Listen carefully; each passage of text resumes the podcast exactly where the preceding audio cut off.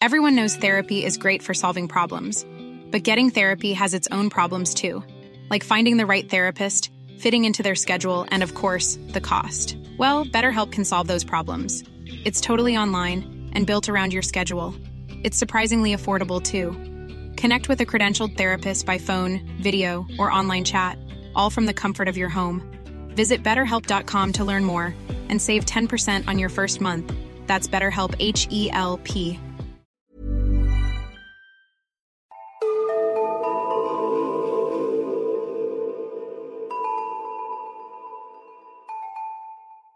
Hej och välkomna till Nära ögat, en true crime-podd för mesar. Mitt namn är Alexandra Kansdottir. Och jag heter Amelia Ingman. Och välkomna till avsnitt 43 som även är säsongsavslutning. Den här säsongen har gått så fort. Ja, det är helt galet att det snart är jul och att vi ska få jullov. Det ska faktiskt bli väldigt skönt. Som ni vet så gör vi det här på vår fritid. Så vi sitter ju kvällar, ofta sitter man ju till midnatt och skriver manus. Sen så är vi här och spelar in några timmar. Och klippningen tar ju också tid. Ja, och vi gör ju det här helt utöver våra vanliga jobb som också är heltidsjobb. Mm. Så nu förtjänar vi faktiskt lite jullov. Ja, och om ni skulle sakna oss alldeles för mycket så kan ni ju lyssna om från säsong ett. Ja, då har ni hela julen kirrad. Och så kan ni ju följa oss på sociala medier. Där kommer vi även informera om när vi kommer komma tillbaka sen igen. Ja, och om ni ser några spännande true crime-dokumentärer där huvudkaraktären överlever så kan ni jättegärna tipsa oss. Det brukar ofta bli mycket sånt under jullovet. I alla fall för mig. Ja, samma här. Och eh, ja, vi önskar er alla en jättehärlig jul.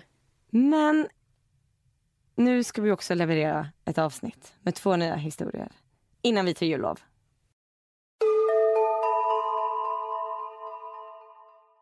Idag ska jag berätta om en av de största drogutredningarna någonsin i Australiens historia.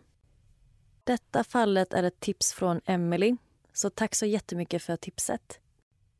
Mina källor är ett avsnitt av Real Truth Crime, en artikel av Daily Mail, Daily Telegraph, The New Zealand Herald och Wikipedia. Jag kommer börja den här historien med ett telefonsamtal som kom in till den australiensiska larmcentralen 2005. Samtalet kom ifrån ett industriområde i Riverstone, en förort väster om Sydney. Det är en man som ringer brandkåren och han vill informera dem om att hans sekreterare har ringt larmcentralen av misstag i tron om att det brann i lokalen, vilket det inte gör. Så han vill helt enkelt att de ska avbryta utryckningen till platsen, för det brinner inte. Larmcentralen säger då att de tyvärr måste rycka ut ändå och kontrollera byggnaden. Har de fått in ett larm så måste de rycka ut. Men mannen ger sig inte, utan istället så ringer han upp dem igen och gör en falsk rapportering om att en bil brinner på en helt annan plats och försöker då få dem att åka dit istället. Men det är för sent. Brandkåren kommer till industrilokalen och i tron om att det kan pågå en brand inne i byggnaden så tar de med sig en bultsax, klipper upp hänglåset som sitter på dörren och går in i fabriken. Väl inne hittar brandmännen ingen eld utan ett droglabb. Polis tillkallas och droglabbet är det mest sofistikerade och omfattande de någonsin sett. De blev helt chockade över storleken på labbet och all den utrustning som finns där. Bland annat finns det flera kärl som används för att blanda substanser och tillverka droger. En av poliserna som jobbat med drogrelaterade utredningar i flera år berättar att om de hittar ett labb som har ett kärl som rymmer 20 liter så är det mycket. I det här labbet så finns det tre stycken 300 liters kärl samt ett stort kärl som rymmer 780 liter. Det finns även två stycken 50 liters öltunnor med specialtillverkad utrustning som används för att destillera droger. Och tänk då att 20 liter vanligtvis är mycket. En trappa upp hittar de elfiltar på golvet med en stor orange presenning på. Och på presenningen så ligger det något som ser ut att vara ett brunt pulver. Och det skulle visa sig att pulvret är ren ecstasy. Närmare bestämt 6 kilo som ligger och torkar på presenningen ovanpå de uppvärmda elfiltarna. I rummet intill finns tre stycken maskinpressar som används för att göra piller och en av dem har spår av pulver på sig. Så hela tillverkningsprocessen finns här i en och samma lokal. Från sammansättningen av substanser, torkning av droger, utspärrning med andra kemikalier och tillverkning och paketering av färdiga piller redo att nå marknaden. Låter som så här ett stort varuhus nästan. Ja, när man ser polisens filmer från labbet så är det inte så massivt. Alltså det är ju fyra stora kärl, två öltunnor. Men mängden droger och utrustningen är så sofistikerad så att för polisen så är detta unikt. Mm. Men det är ju inte gekos. Nej. Mängden droger som polisen beslagtog var massiv. Totalt hittade de 40 kilo ren ecstasy som är värd cirka 127 miljoner dollar. Och utöver det så beslagtog de även amfetamin. Det tar polisen två dagar att packa ihop alla droger och samla in all bevisning och ledtrådar. Polisen hittar bland annat ett par herrskor från Louis Vuitton och en gasmask. De hittar ett hyreskontrakt och polisen kontaktar fastighetsägaren som berättar att han hyr ut lokalen till ett företag som heter KLM Machinery. Och signaturen på kontraktet är från en John Walker. Polisen kollar upp kontaktuppgifterna och kan fastslå ganska snart att det är en falsk adress på hyreskontraktet plus att John Walker är ett påhittat namn. Men det dröjer inte länge innan polisen får in ett tips om att det här aliaset tillhör en man vid namn Steven Spalivero. Under det kommande året arbetar polisen med att samla in bevisning mot Steven. De vet var han bor och att han bor tillsammans med sin flickvän. Och De börjar bland annat lyssna av hans telefon för att samla in information. Polisen kontaktar företaget som tillverkat och sålt utrustningen som fanns inne i droglabbet för att se ifall någon där kanske minns nåt. Ifall de skulle kunna identifiera köparen eller kanske till och med peka ut Steven. Flera av de anställda på företaget minns att de sålt utrustningen till en man som hette John Matthews. Polisen bad då de anställda titta på en rad olika bilder och försöka peka ut John Matthews och alla identifierade Steven som John. Det skulle visa sig att han hade handlat så pass mycket utrustning av det här företaget så att han till och med hade hamnat på deras utskickslista för julkort. Så han var en väldigt omtyckt kund. Men alltså de här maskinerna han hade köpt. Det är egentligen maskiner för annat bruk? Ja, jag vet inte exakt vad det var för maskindelar men det var ju de här stora kärlen och så var det ju extra utrustning som man hade använt sig av för att destillera och, och tillverka. Men jag vet inte exakt, men det var ju ganska ovanlig utrustning. Efter de fått utpekandet av de här anställda på företaget så känner polisen att de är ett steg närmare att kunna häkta Steven för droglabbet. Och två av de anställda som sålt utrustningen är villiga att peka ut Steven i rätten. Och de blir därmed utredningens två största huvudvittnen. Och med hjälp av dem så kan Steven eventuellt dömas till livstidsfängelse. Steven bor tillsammans med sin flickvän som heter Charlotte Lindström. Charlotte är född 1984 och hon kommer från Sollentuna utanför Stockholm och hon har tidigare arbetat inom restaurangbranschen och som modell. 2003 reser hon till Sydney tillsammans med några vänner från skolan och hon får jobb på en exklusiv nattklubb. Och när hon arbetar där så träffar hon Steven som är 18 år äldre och det är han som äger klubben. 19-åriga Charlotte och 37-åriga Steven blir snart ett par och de flyttar in tillsammans i en lägenhet intill vattnet i Sydney. De har båda två väldigt dyr smak och Steven finansierar Charlottes livsstil. Vad oväntat att hon var svensk. Ja, det är inte ofta vi pratar om svenska fall eller svenska personer i våra fall. Så ja. Nu blir jag extra nyfiken. Steven och Charlotte har varit tillsammans i två år när polisen plötsligt knackar på hemma hos paret. Charlotte öppnar dörren och utanför står flera poliser. De frågar om det finns någon annan i lägenheten. Charlotte svarar nej. Polisen frågar då om de får komma in och ta en titt. Men innan Charlotte hinner säga nej så informerar polisen henne om att de har en husrannsakan och tar sig in i lägenheten. Polisen letar efter Steven men enligt Charlotte så är han på fiskesemester i norra Queensland. Polisen börjar söka igenom lägenheten efter bevisning som kan knyta Steven till droglabbet eller till de falska namnen som han använt sig av. De letar exempelvis efter visitkort och dokumentation. Men Charlotte verkar övertygad om att de inte kommer hitta något. Polisen letar igenom lådor, de kollar under madrassen, i soffan, garderoberna, överallt. De hittar flera tusen dollar i kontanter undangömt i ett par vantar. Men Steven och Charlotte har som sagt väldigt dyr smak så att det skulle kunna vara fickpengar. Polisen letar vidare och Charlotte följer efter dem genom lägenheten och övervakar allt de gör. Efter ett tag så hittar de en kartong under tv-bänken.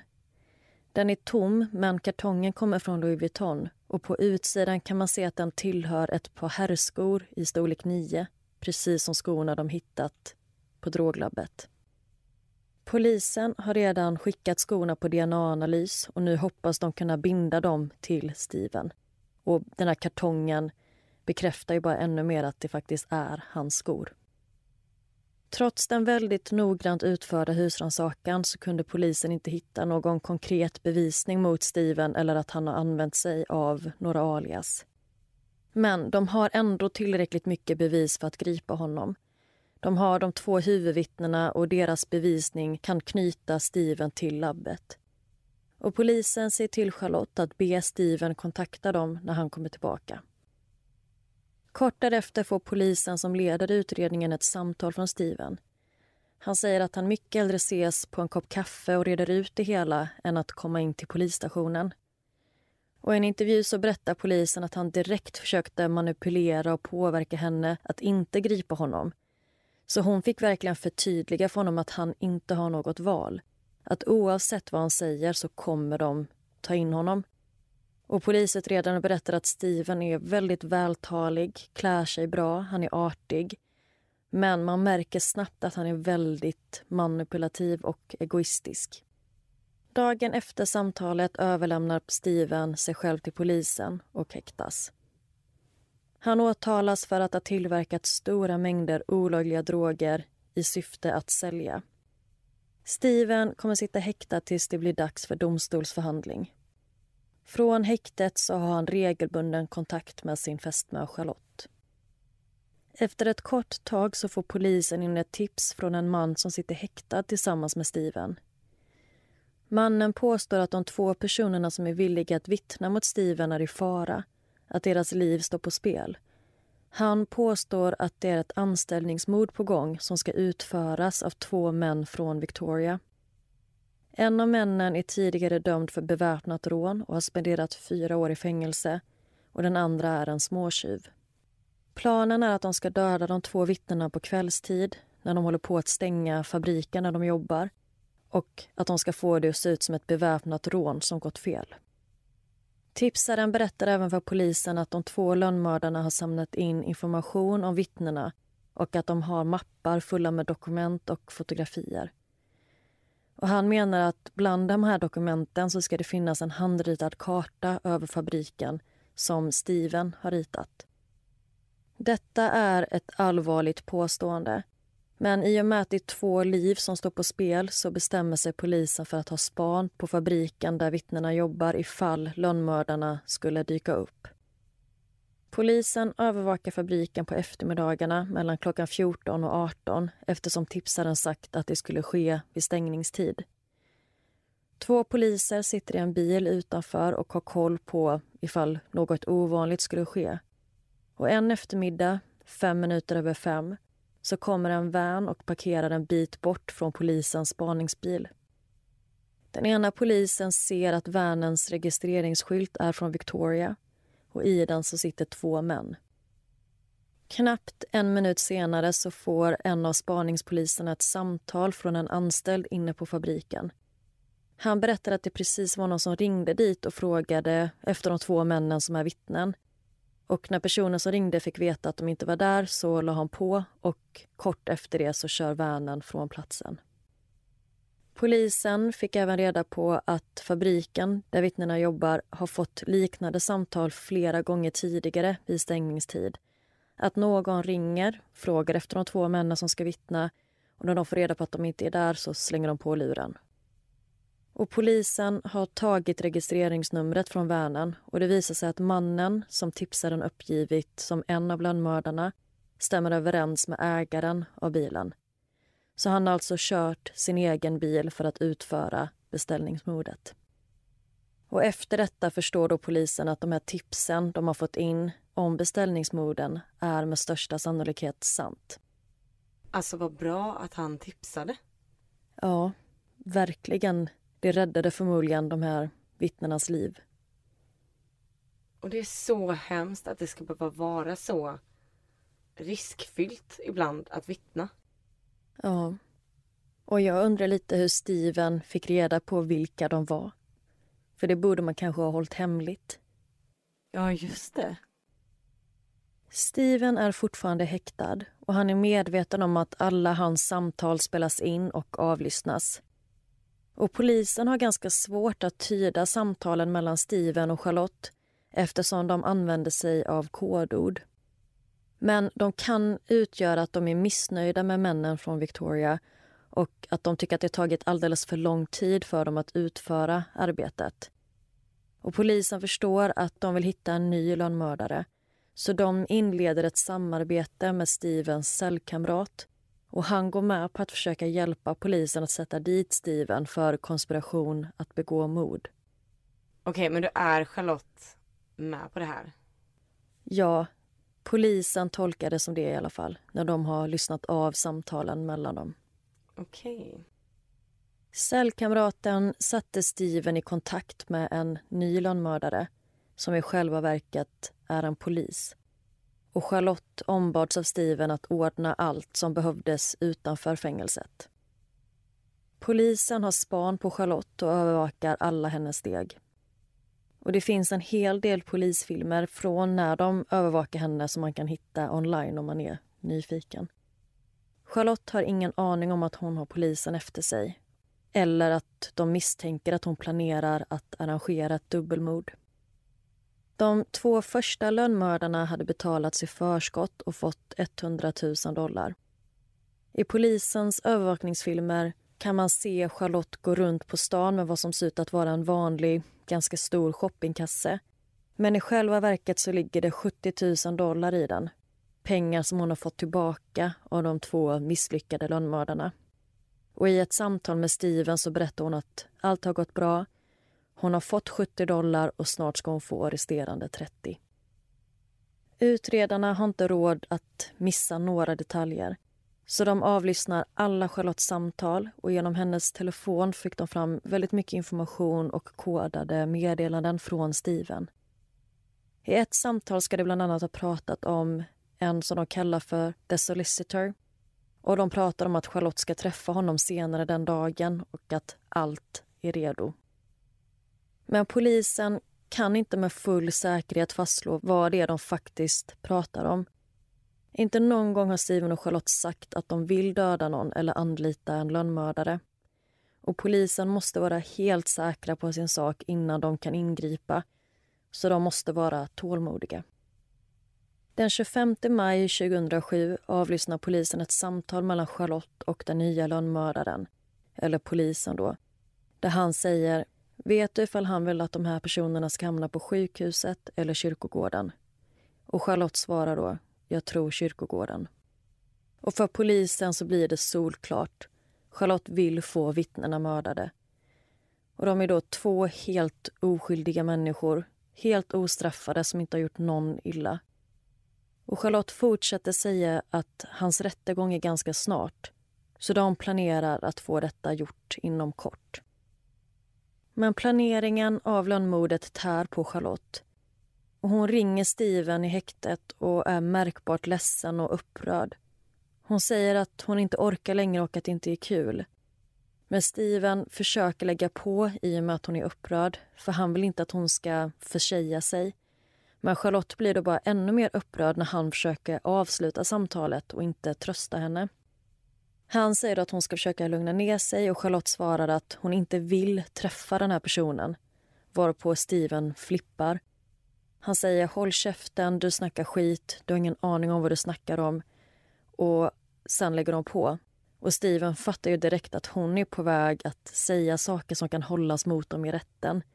Och det känns som att Charlotte är ganska naiv kring hela den här situationen och att hon inte riktigt förstår allvaret. Charlotte bestämmer träff med lönnmördaren på stan och han har blivit erbjuden 200 000 dollar för att utföra de två morden av huvudvittnena. När de möts upp så ger Charlotte honom ett kuvert som innehåller foton på de båda offren, deras adresser och var de jobbar. Och hemskt nog så skulle det visa sig att en av de här bilderna var på helt fel person. Oj. Ja, vilket hemskt misstag. Det är hemskt oavsett, men... Alltså ett, lönnmörda inte någon. Två, ska du lönnmörda någon, se till att det är rätt person. Vi måste sluta uppmuntra kriminella att göra brott på rätt sätt. Ja, ja. Gör inget dumt, hörni. Punkt. Efter att lönnmördaren bläddrat igenom innehållet i kuvertet så ber han om 5 till 10 000 dollar i förskottsbetalning. Hon går med på att betala honom, vilket var vad polisen behövde för att visa hennes avsikt och säkra en fällande dom. Men hon har inga pengar med sig så de bestämmer sig för att mötas upp dagen därpå igen. Och vid det andra mötet så frågar lönnmördaren igen. Är han säker på att han vill ha dem på kyrkogården? Varpå Charlotte svarar ja, han vill definitivt få det gjort. Sedan skiljs de åt och Charlotte hinner bara gå några steg från mötesplatsen innan polisen närmar sig och griper henne. Den 26 maj 2007 vänds Charlottes liv upp och ner. Hon har varit helt ovetande om polisens spaningsarbete och helt plötsligt kommer det fram flera poliser som trycker ner henne på gatan, sätter på henne handfängsel och arresterar henne. Mitt på dagen på öppen gata där massa personer kan se vad som händer. Hon häktas och åtalas för att ha planerat två mord. Samma dag som Charlotte häktas så gör polisen en husrannsakan i Stevens fängelsecell i jakt på bevis som skulle kunna koppla honom till beställningsmorden. Och de hittar en anteckningsbok med olika namn och telefonnummer i. I samband med att de gick igenom cellen så informerar de Steven om deras utredning gällande beställningsmorden samt att de häktat Charlotte tidigare samma dag. Och under tiden så har Charlotte förts till polisen där hon har visiterats. Och polisen tar sen med henne tillbaka till henne och Stevens lägenhet för att leta efter ytterligare bevis. Och där förstår jag inte riktigt varför de tar med henne. Men de hittar kontanter, en anteckningsbok och i den så finns en anteckning om KLM Machinery företaget som stod på hyreskontraktet för lokalen där droglabbet hittades. Kan inte det vara att hon ska visa dem vart det finns? Ja, mycket möjligt. Hemma i Sverige har Charlottes föräldrar ingen aning om vad som har hänt. Charlotte har inte ens berättat för dem att Steven har häktats. Och förmodligen så valde hon att inte säga något eftersom hennes familj aldrig riktigt gillat honom. Och om de hade fått reda på vad han satt häktad för så skulle de kanske kräva att hon skulle komma hem vilket inte var ett alternativ för Charlotte. Ända sedan Steven häktades så har hon upprätthållit hennes glamorösa fasad och familjen kunde inte ana att något var fel. Och bara en vecka innan hon greps så ska Charlotte stolt ha berättat för sin mamma om ett nytt jobb hon fått på en restaurang i Sydney. Och det var en journalist som berättade för Charlottes föräldrar att deras dotter blivit häktad. Stevens mamma erbjöd sig att betala Charlottes borgensumma på två miljoner dollar för att få ut henne ur fängelset och barägaren Justin Hems lovade att hon skulle få behålla sitt bartenderjobb. Men de fick avslag på grund av rädslan för att Charlotte skulle fly tillbaka till Sverige. Charlotte är medveten om att hon riskerar ett väldigt långt fängelsestraff. Så i hopp om att få en mildare dom så går hon med på att avslöja detaljer om Stevens drogverksamhet som är värd flera miljontals dollar. De två lönnmördarna från Victoria greps också och åtalades för konspiration att begå mord men hävdar båda två att de är oskyldiga. Även Steven åtalas för konspiration att begå mord vilket han menar att han är oskyldig till.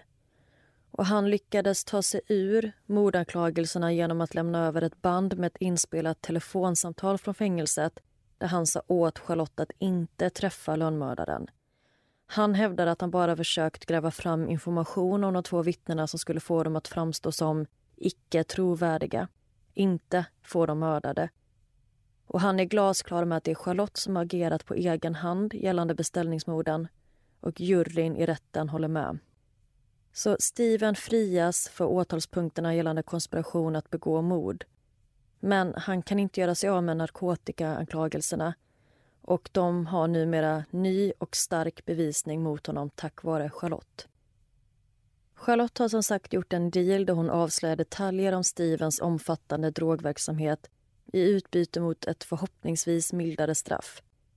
Och Den informationen som Charlotte gav polisen kunde styrka flera av deras teorier som de byggt baserat på bevismaterialet.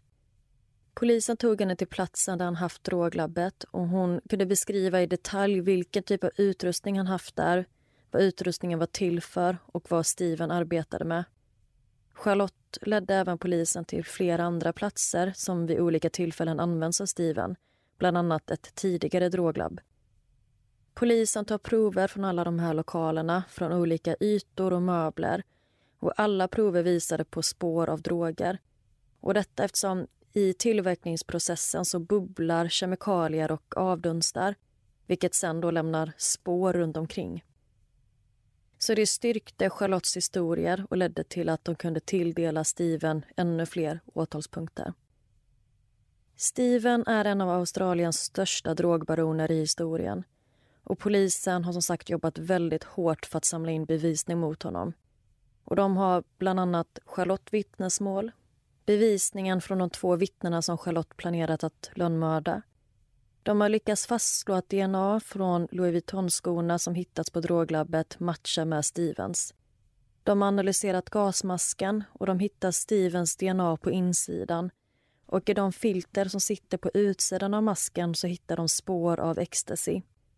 Och det enda sättet för ecstasy att fastna i de här filtrerna är ifall personen som bär masken fysiskt står framåtlutad över substansen under tiden den tillagas. De har även de här samtalen som gjordes till larmcentralen som jag pratade om i början. Och där kan man tydligt höra att det är Stevens röst. Men vem var sekreteraren som... Det framgår inte. Så jag vet inte om det var så att brandlarmet kanske gick i byggnaden och han drog den här lögnen om att det var någon som hade ringt av misstag.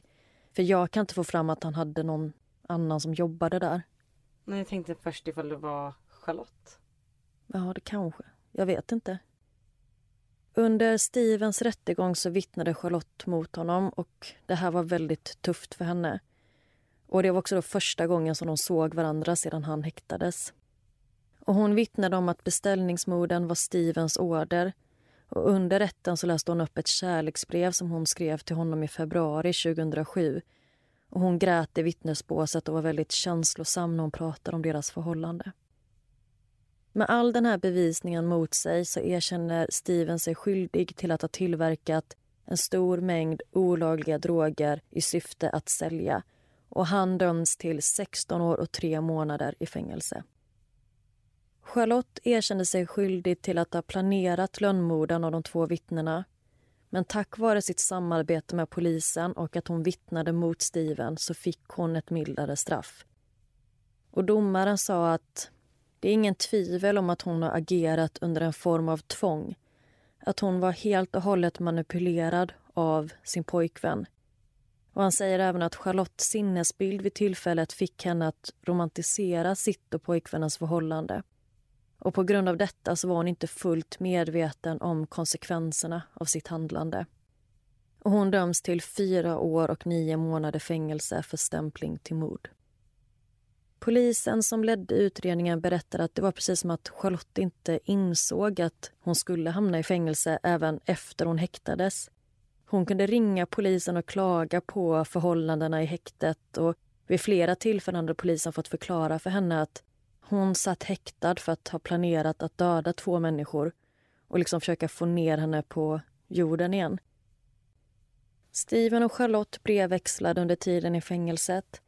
Och I det sista brevet från henne så bad hon honom att hitta henne när han kom ut. Och Hon skrev att jag vill fortfarande ha sagan. Och Steven har försökt kontakta Charlotte via Facebook några månader innan han släpptes. Men de meddelanden han har skickat via hennes vänner besvarades aldrig. Men enligt vissa källor så menar Charlotte att de bröt kontakten helt efter domen föll och att han ska ha försökt smuggla lappar till henne flera gånger när de satt i fängelse.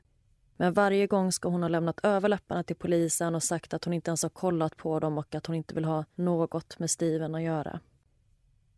Steven spenderar 11 år i fängelse innan han släpptes och nu verkar det som att han har en ny flickvän. Charlotte släpptes den 25 maj 2010 tre år till dagen efter att hon har mött upp lönnmördaren eller polisen som poserade som lönnmördare. När Charlotte frigavs så fanns hennes föräldrar på plats i Australien och de åkte raka vägen från fängelset direkt till flygplatsen och hoppade på ett plan hem till Sverige. Charlottes familj säger att en sån här händelse kan antingen bryta ner en eller göra en starkare. Och det här har gjort dem starkare. Och det var berättelsen om drogbaronen Steven Spalivero och Charlotte Lindström. Oj, vad spännande. Kände du till fallet sen innan? Nej, aldrig hört. Alltså, man har ju svårt att bestämma vad man tänker om Charlotte. Å ena sidan så, hon var väl bara 19 när hon träffade honom och han var typ 37. Ja, hon var 19 när de blev tillsammans. 22 när hon dömdes och 25 år gammal när hon frigavs. Ja, och jag kan tänka mig att den här killen som är väldigt mycket äldre än henne, som har jättemycket pengar, som uppenbarligen är väldigt manipulativ, kan liksom ha hjärntvättat eller så här, tutat i henne att det kommer bli bra, de kommer aldrig ta oss, de kommer aldrig, vi kommer aldrig hamna i fängelse för det här. Mm. Och att hon då kanske är naiv nog att tro det. Ja, och många beskriver ju henne som just ung, naiv och manipulerad och att hon utnyttjades av Steven. Och när hon pratar med den här polisen då som var undercover som lönnmördare så säger hon ju hela tiden att så här, ja, det är det han vill. Så här, vill du ha dem på kyrkogården eller på sjukhuset? Ja, det är det han vill. Han vill ha dem på kyrkogården. Mm. Jag tror inte, alltså jag undrar om hon ens fattade att hon beställde ett mord eller tänkte hon att han beställde ett mord via mig? Ja, mycket möjligt att hon såg det på det sättet. För enligt Charlotte så är det Stevens order. Det här är inte hennes idé utan hon gör det som hon blir ombedd att göra. Ja, men samtidigt så är hon är en vuxen människa. Hon borde ju kunna förstå att det är fel. Mm. Ja, nej jag vet inte. Det är väldigt, det är väldigt svårt Ja, och många medier har ju rapporterat om det här fallet från just den vinkeln att Charlotte är ett offer, att det är väldigt synd om henne. Och Jag tror också att den bilden förstärktes säkert av det faktum att när hon vittnade vid Stevens rättegång så var hon väldigt utmärglad och hon hade utvecklat anorexi. Mm. Så många tyckte nog väldigt synd om henne Mm. Över att hon har hamnat i den här situationen och uppenbart mår väldigt dåligt.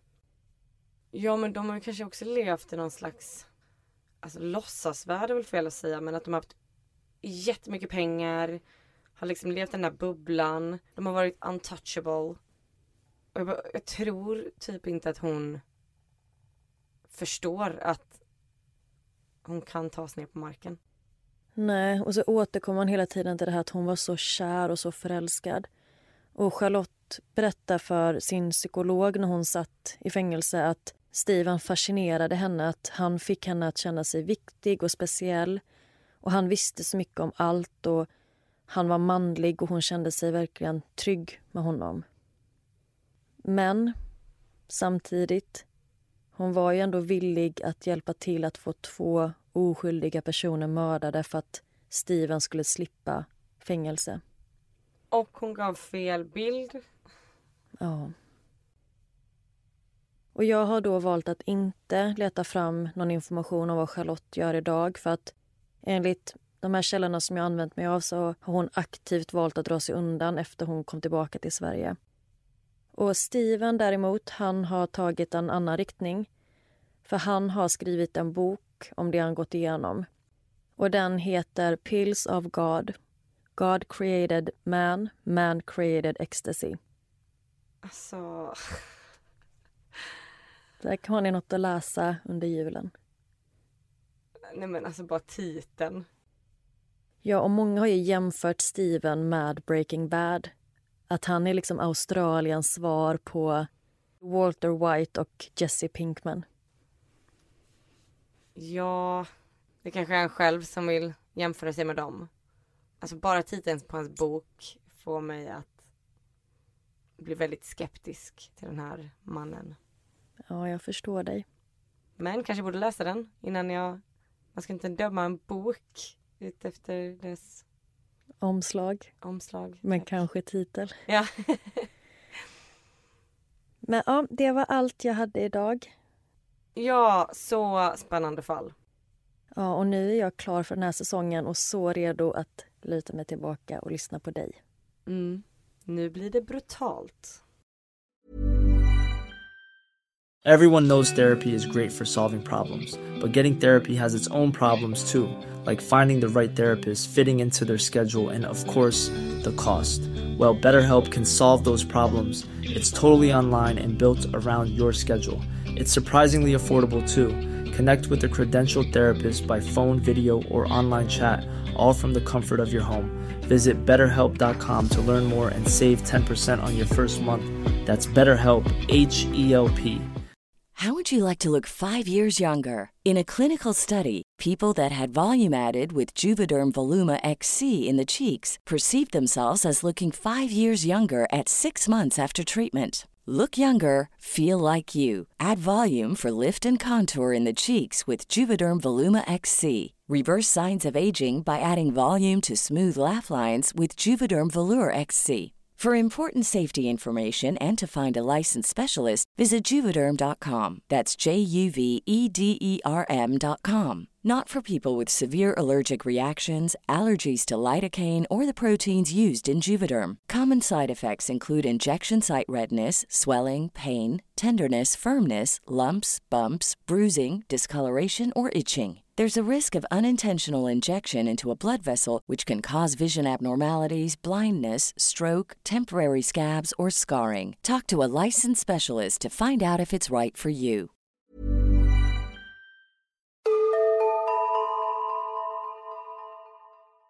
Idag ska jag berätta om Marilyn Stanley. Och detta är ett tips från en av våra lyssnare. Tack Johanna. Mina källor idag är ett avsnitt av True Crime Daily, artiklar från The Sun, Local 12, Fox 19 och Daily Mail. Och innan jag kör igång så vill jag varna för att det förekommer väldigt hemska detaljer i den här berättelsen. År 2015 är Marilyn Stanley 25 år gammal. Hon är alltså född samma år som jag, 1990. Hon är en ensamstående mamma till sin lilla son Carter som bara är ett par år gammal. Och hon jobbar i en bokhandel. Hon och Carter bor i staden Union i Kentucky i USA. Marilyn är väldigt nära sin familj. Speciellt med sin syster Ashley och sin mamma Linda. Och en kväll ska mamma Linda passa lilla Carter. För Marilyn ska gå ut, träffa sina kompisar och dricka någon drink. När hon och vännerna är ute på krogen så får hon syn på en kille som hon känner igen. Nämligen 31-årige Zachary Gross. Zack, som han kallas, har gått på samma skola som Marilyns syster Ashley. Och Marilyn och Zack har aldrig träffats tidigare, men de är kompisar på Facebook och har varit det ett tag. Så det blir ganska naturligt att de hälsar på varandra. Det är Marilyn som tar initiativet. Hon frågar hur han mår och Zack skiner upp som en sol och säger att han mår bra. Zack ser bra ut. Han är lång, har skägg och fina ögon. Och det slutar med att de pratar hela kvällen. De har verkligen den där direkta kemin. Zack är så rolig och enkel att prata med och Marilyn får verkligen upp ögonen för honom. De fortsätter att ha kontakt efter den här kvällen och det tar inte lång tid innan de spenderar nästan varje dag tillsammans. Och till en början är allt bra. Zack är supergullig och de blir nästan som en liten familj. Marilyn, hennes son Carter, Zack och hans pitbull Capone. Ibland kan Zack bli väldigt arg och få utbrott. Men Marilyn tänker att det beror på att han kanske inte kan hantera sina känslor. Han har bara bröder och han växte upp i ett ganska hårt klimat. Och det dröjer inte särskilt länge innan han börjar bli väldigt överbeskyddande och svartsjuk. Han vill alltid veta vart Marilyn är, vilka hon är med, vem hon har kontakt med. Och han förklarar det med att säga att det är för att han älskar henne så mycket. Marilyns mamma Linda får en dålig känsla av Zack. Men det är inte någonting Marilyn bryr sig om. Hon gillar ju verkligen den här killen och är så glad av att äntligen ha någon att dela livet med. En dag så börjar Marilyn och Zack att tjafsa om något oviktigt. Bråket eskalerar och Zack tar tag i Marilyn och kastar ner henne på marken. Hon blir extremt arg och chockad och kan knappt förstå vad som precis hände. Och hon frågar vad han håller på med. Zack bryter då ihop och ber direkt om ursäkt. Han förstår inte vad som flög i honom och han lovar henne dyrt och heligt att det här kommer aldrig hända igen.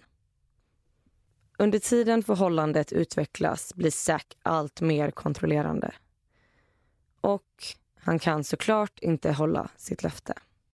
Utan han blir våldsam allt oftare. Knuffar blir till slag. Och Marilyn försöker länge dölja det faktum att Zack slår henne. Och hon har hela tiden bortförklaringar när folk runt omkring frågar varför hon har blåmärken eller sår på kroppen. Hon vill lämna honom. Men så fort hon säger något om det så börjar han hota med att han kommer döda henne om hon lämnar. Zack fortsätter att slå henne. Hon får blåtiror på båda ögonen och en gång så bryter han hennes näsa. Men det är när han tar stryptag på henne så hårt så att hon svimmar som hon förstår att hon verkligen måste lämna relationen på riktigt.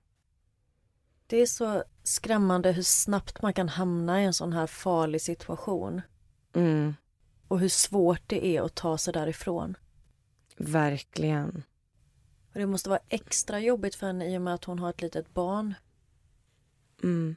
Och de här personerna som misshandlar eller slår, det är ofta inte första gången de gör det. Utan de vet ju precis hur man ska bli trygg och känna falska tryggheten. Och många gånger kan det också vara att de, är väldigt, att de ångrar sig väldigt mycket efteråt och gråter och är ledsna. Och då ser man den fina personen igen och hoppas att den ska komma tillbaka, killen man blev kär i. Marilyn försöker lämna relationen. Hon tar avstånd från honom, försöker ignorera honom. Hon slutar svara på sms och samtal. Men han är extremt ihärdig och kontaktar henne hela tiden. Han smsar bland annat att han hatar att hon är rädd för honom. Att man aldrig ska behöva vara rädd för den man älskar. Och han ger sig inte, utan han gör allt för att få kontakt med henne igen. Han börjar till och med jobba på samma bokhandel som Marilyn. Och Marilyn vet inte vad hon ska göra. Han är överallt och hon kan inte skydda sig från honom. Han fortsätter och skriver sms där han säger att det är han som ska skydda henne. Han ska ge henne allt hon behöver. Han älskar henne med hela sitt hjärta. Han hör av sig hela tiden, varje dag och insisterar på att de måste prata. En morgon så kommer han hem till henne klockan sex på morgonen och attackerar henne. Han slår henne i ansiktet. Sen går han ut, hoppar upp på hennes bil och sparkar sönder takfönstret. Sen hoppar han ner och börjar krossa framrutan, går vidare runt bilen tills han har krossat alla rutor och sen drar han iväg igen. Marilyn blir desperat. Hon vet inte vad hon ska göra. Hon behöver en bil för sitt jobb men har inte råd att köpa en ny. Och hon lyckas inte heller lösa någon annan bil vilket leder till att hon nu förlorar sitt jobb. Och han menar att han ska skydda henne. Mm. Vad håller han på med? Mm. Och hon är helt utlämnad nu och vågar inte heller ringa polisen då hon är säker på att han kommer döda henne om hon gör det. Zack fortsätter att kontakta Marilyn. Han vill be om ursäkt. Han älskar ju henne. Och till slut så har all energi gått ur Marilyn. Hon vet inte vad hon ska göra. Så att hon gör det enda hon känner att hon kan göra och det är att träffa honom och försöka prata vett i honom. Om hon kan få honom att förstå så kanske han kan lämna henne i fred sen. Så hon går med på ett möte. Men hon är fortfarande livrädd för honom. Så hon packar med sig en rosa fällkniv för att kunna skydda sig själv om han skulle attackera henne. Zack kommer och hämtar upp Marilyn med sin bil. De pratar lugnt i bilen och åker via McDonalds och köper mat innan de åker hem till Zack. Marilyn står i köket och äter pommes när Zack från ingenstans börjar slå Marilyn i ansiktet. Hon skriker av smärta och frågar varför han gör så. Zack har då fått upp på Facebook att Marilyn har blivit taggad i en bild som en kille har tagit. Hon förklarar att den här killen är kompis med hennes vän Britney och att de hade varit och lekt med Carter i parken när Britneys kompis kom förbi. Men Zack ser nu rött. Han tror inte på ett ord som Marilyn säger. Marilyn förstår att han inte kommer släppa det här och börjar springa mot dörren. Men Zack springer i kapp. Han tar tag i henne och börjar dra henne tillbaka. Han drar henne mot sovrummet och Marilyn känner på sig att om han får med henne in dit så är det slut. Så hon kämpar för sitt liv. Men Zack är mycket starkare än henne. Hon får tag i dörrkarmen och håller sig krampaktigt fast, men det är lönlöst. Zack sliter in henne i sovrummet och slänger ner henne på golvet. Och nu vill jag varna för hemska detaljer. Zack sitter över henne. Han matar slag efter slag mot Marilyns ansikte. Marilyn sträcker sig efter kniven och lyckas få upp den ur fickan. Zack ser detta och det är som att det eldar på honom ännu mer. Och innan Marilyn hinner börja försvara sig med kniven så kommer Capone, Zacks pitbull, och börjar attackera Marilyn. Nej, jag trodde du skulle säga att han skulle hjälpa Marilyn. Nej. Han attackerar Marilyn. Han biter henne i höger öra och börjar tugga och dra och till slut så sliter han loss den översta delen av örat samtidigt som Zack fortsätter att slå henne. Och någonstans här blir Marilyn medvetslös. När hon vaknar till igen så är hunden borta. Men mitt emot henne så sitter Zack och hånler. Och han säger Titta på dig, du är skallig. Nu kommer ingen vilja ha dig. Gå och titta på dig själv i spegeln. Han drar med henne till badrummet och försöker tvinga henne att titta på sig själv i spegeln. Men Marilyn är alldeles för rädd för att våga fästa blicken på sig själv. Hon tittar mot spegeln, men hon ser inte sig själv. Det enda hon ser det är att hon är helt blodig. Zack är inte klar än. Han drar ner henne på golvet och börjar sparka henne i magen. Han beordrar henne att lägga sig på sidan. Och så säger han att han ska bryta hennes revben. Så han tar sats och stampar med full kraft ner på hennes revben men lyckas inte bryta dem. Så han gör det om och om igen tills de båda hör hur revbenen bryts.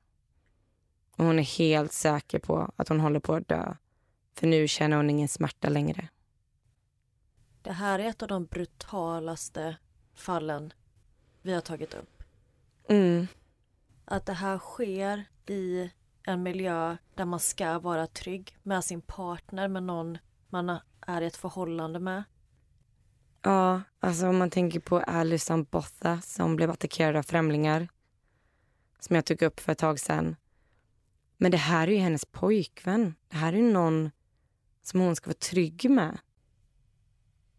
När han har torterat henne i över två timmar så tar han en trasa och börjar torka av blodet i hennes ansikte. Han säger att det är okej nu. Han är klar. Han ska inte skada henne mer. Marilyn ber honom ringa ambulans, men han vägrar för då kommer de ta hans pitbull Capone. Han tar på henne en hoodie och täcker hennes huvud med luvan. Sen ger han henne en plastpåse med något i. Hon ser blod och hår och förstår inte varför han ska ge henne håret han dragit bort. Han säger att han kan köra och släppa av henne och Marilyn tror såklart att han pratar om att släppa av henne vid sjukhuset. Men han kör henne till mamma Linda. Och när de stannar bilen och Marilyn ska gå ut så vänder han sig mot henne och frågar om han kan få en puss. Marilyn kämpar sig till mamma Lindas dörr. Hon försöker ropa efter hjälp. Ashley, Marilyns syster, är också där. Och Hon ser någon gå mot dörren och tror först att det är något läskigt prank innan hon förstår att det är Marilyn. Blodet rinner ner i ansiktet under luvan och Ashley ropar att Linda ska ringa 911. Marilyn sträcker över plastpåsen till mamma Linda och säger att hennes hår ligger i den. Och nu vill jag återigen varna för väldigt hemska detaljer.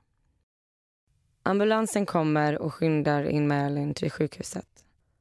Läkarna kan knappt tro sina ögon.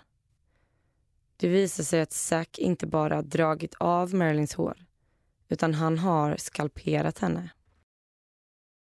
Han har alltså skurit av huden på huvudet med allt hår på ena sidan av hennes skalle. Och det var de här delarna som han lagt i plastpåsen som han skickade med henne. Amelia sitter och håller för öronen och jag förstår dig.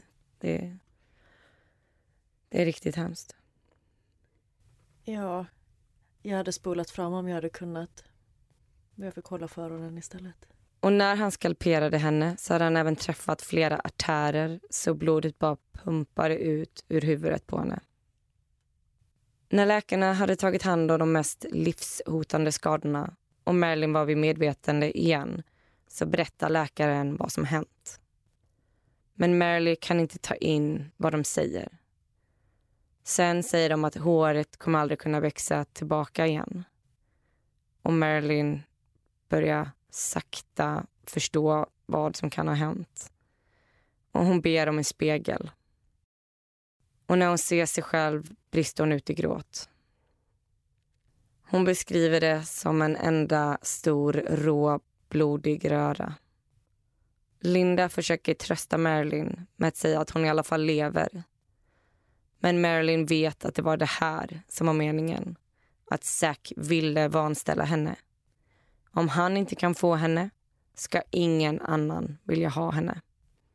Och han vet att hon kommer se det här varje dag och bli påmind om honom.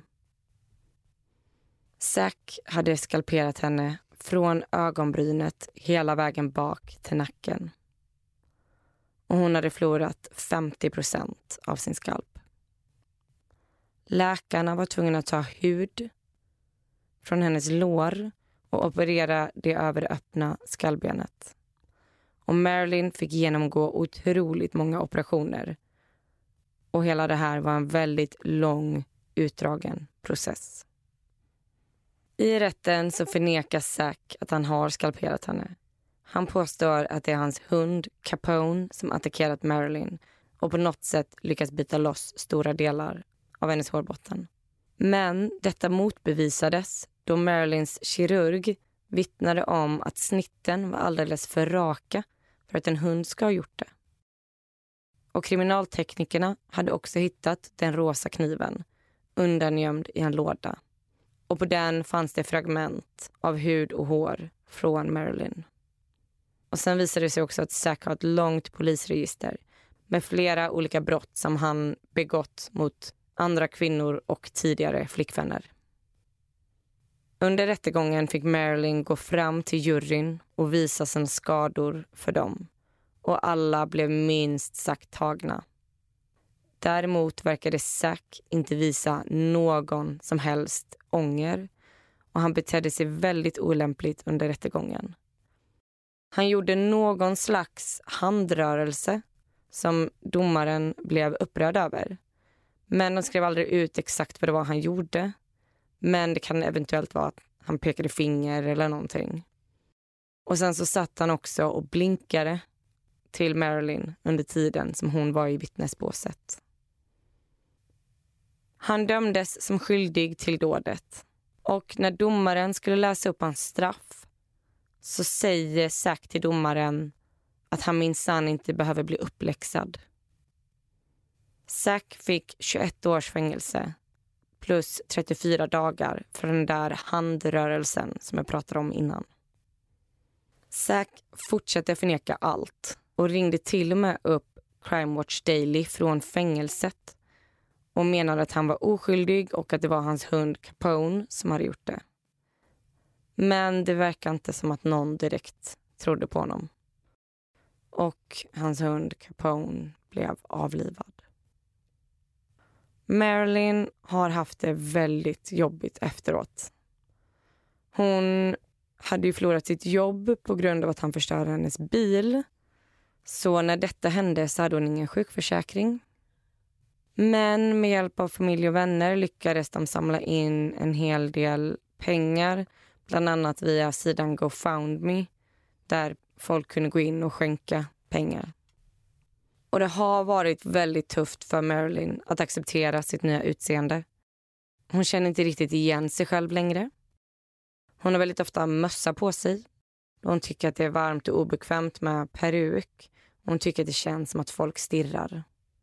Och även om Marilyn fortfarande är rädd så säger hon att Zack kommer aldrig få det han ville. Han kommer aldrig kunna ta henne. Han kommer aldrig kunna ta hennes stolthet. Han kommer aldrig kunna ta hennes liv. Och nu kan han inte heller skada någon annan. Och Marilyn har träffat en ny kille. En bra kille. Som inte bryr sig om om hon har hår eller inte. Och de har tillsammans fått en dotter som heter Evelyn och en son som heter Storm. Och det var historien om Marilyn Stanley. Planning for your next trip? Elevate your travel style with Quince. Quince has all the jet-setting essentials you'll want for your next getaway, like European linen, premium luggage options, buttery soft Italian leather bags, and so much more. And is all priced at 50 to 80% less than similar brands.